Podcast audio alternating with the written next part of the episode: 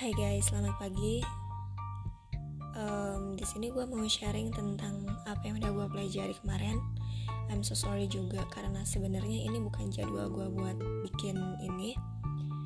But ya semalam itu gue nggak sempet gue nggak gue nggak sempet nge-record makanya pagi ini gue nge-recordnya dan I'm so sorry juga kalau misalkan nanti kalau misal dalam penyampaiannya itu agak bising ya dikarenakan di sini emang uh, banyak kendaraan yang lewat. So ya. Yeah. jadi kemarin itu gue bahas tentang gue mau sharing tentang kriminologi. Nah adapun mind map daripada sharing kali ini yang pertama gue bakal ngebahas tentang pengertian kriminologi. Kemudian ada objek studi kriminologi atau objek kajian daripada kriminologi itu sendiri dan yang terakhir adalah keterkaitan kriminologi dengan bidang studi yang lain. So, menurut hemat gue ya, kriminologi itu merupakan suatu ilmu yang mempelajari mengenai konsep kejahatan dan penjahat. Jadi, nanti di dalamnya itu bakal mencakup mengenai alasan atau sebab terjadinya tindak kejahatan yang dilakukan oleh si pelaku. Kemudian juga bakal mempelajari mengenai reaksi sosial daripada tindak kejahatan tersebut, bagaimana pencegahannya, dan reaksi sosial juga terhadap si penjahat tersebut. Nah, itu pengertian dari kriminologi itu sendiri.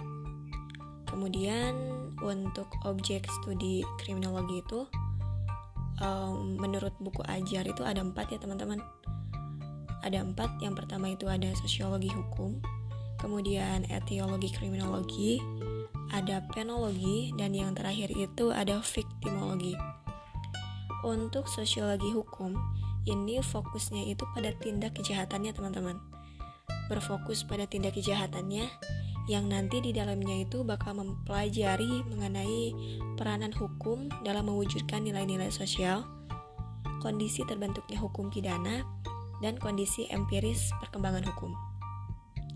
Itu untuk sosiologi hukum. Kemudian untuk etiologi kriminologi, ini berfokus itu pada pelakunya, berfokus pada penjahatnya, di mana nanti pada etiologi kriminologi ini akan mempelajari mengenai alasan seseorang melanggar hukum atau melakukan kejahatan, sedang orang lain itu tidak melakukannya. Nah, namun ketika kita mempelajari alasan ini juga kita harus mempertimbangkan berbagai faktor ya teman-teman. Multiple factors. Karena ketika seseorang melakukan tindak kejahatan itu tidak hanya didorong oleh satu faktor saja atau faktor legal hukum, tapi juga berbagai faktor. Makanya dalam mempelajari psikologis atau dalam mempelajari alasan seseorang melakukan tindak kejahatan itu juga harus dipertimbangkan dengan berbagai faktor. Kemudian yang ketiga ada fenologi. Untuk fenologi ini berfokusnya itu pada reaksi sosial. Pada reaksi sosial yang nanti di dalamnya akan mempelajari tentang bagaimana sih perkembangan dari hukum itu sendiri karena ya seperti kita ketahui bahwasanya hukum itu tidak statis ya teman-teman hukum itu dinamis dan ia menyesuaikan dengan perkembangan zaman atau menyesuaikan dengan situasi dan kondisi yang berada di wilayah masyarakat itu sendiri kemudian juga bakal mempelajari tentang arti dan manfaat yang berhubungan dengan control of crime Nah, itu penologi. Kemudian yang terakhir, ini ada viktimologi. Kalau kita ngeh nih, kalau kita peka pada kata-kata viktimologi di situ sudah jelas ya. Victim itu kan korban. Jadi pada viktimologi ini sendiri kita berfokus itu pada korban kejahatannya. Yang di dalamnya nanti kita bakal mempelajari mengenai hal yang berkaitan dengan kedudukan, interaksi, dan tanggung jawab korban dalam kejahatan baik sebelum ataupun sesudah kejahatan itu terjadi.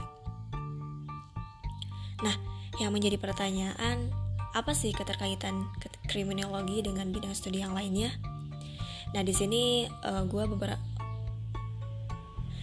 di sini sorry, ini pasti berisik banget nih. Oke, okay. um, karena referensi kuat karena referensiku itu cuma ngambil dari buku ajar ya jadi untuk keterkaitan kriminologi dengan bidang studi lain di sini cuma ada lima sih Gak tahu gak tahu nih uh, di luar ini tuh masih ada atau enggak. But ya di buku ajar itu cuma ada lima. Yang pertama itu kriminologi dengan ilmu hukum pidana. Nah apa sih keterkaitannya? Kriminologi. Seperti aku jelasin tadi, kriminologi itu kan ilmu yang mempelajari tentang konsep kejahatan dan penjahat. Untuk ilmu hukum pidana sendiri, dia itu berfokusnya pada bagaimana sih atau seberapa jauh si ilmu hukum pidana ini menentukan sanksi atau menentukan ya menentukan sanksi bagi pelaku kejahatan. Jadi keterkaitannya itu ada pada fokus perhatian pada kepribadian pelaku kejahatan yang berhubungan dengan sifat untuk menentukan berat ringannya pidana yang diberikan kepada pelaku kejahatan tersebut. Jadi poinnya itu keterkaitan kriminologi dengan ilmu hukum pidana ada pada menghubungkan kepribadian pelaku kejahatan dengan menentukan berat ringannya pidana yang diberikan terhadap pelaku tersebut. Nah, itu ya. Poinnya itu itu. Kemudian kriminologi dengan antropologi ini kita fokusnya itu pada tingkah laku manusia di dalam masyarakat dan bagaimana lingkungan tersebut dapat memengaruhi pelaku anggota masyarakat tersebut. Dapat memengaruhi perilaku anggota masyarakat tersebut.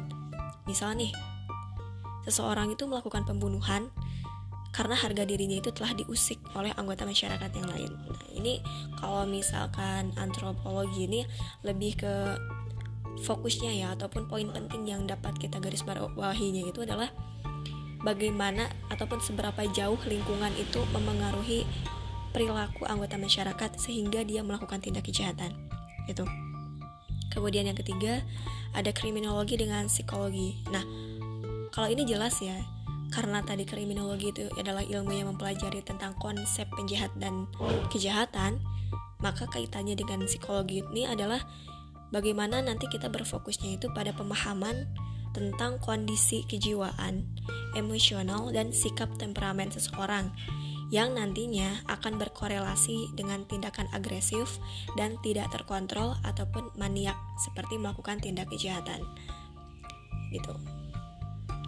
Jadi cukup jelas kalau misalkan keterkaitan kriminologi dengan psikologi itu berfokusnya adalah pada e, latar belakang psikologis pelaku kejahatan itu.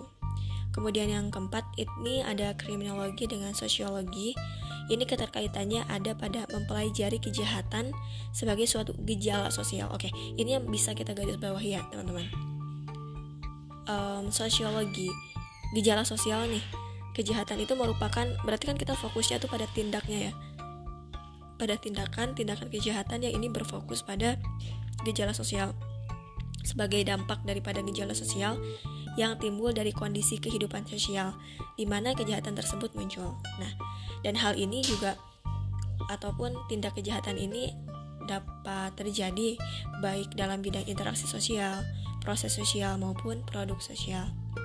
Dan yang terakhir, keterkaitan kriminologi dengan kriminalistik. Nah, ini uh, harus kita bedakan dengan jeli ya, teman-teman. Apa sih perbedaan kriminologi dengan kriminalistik itu sendiri?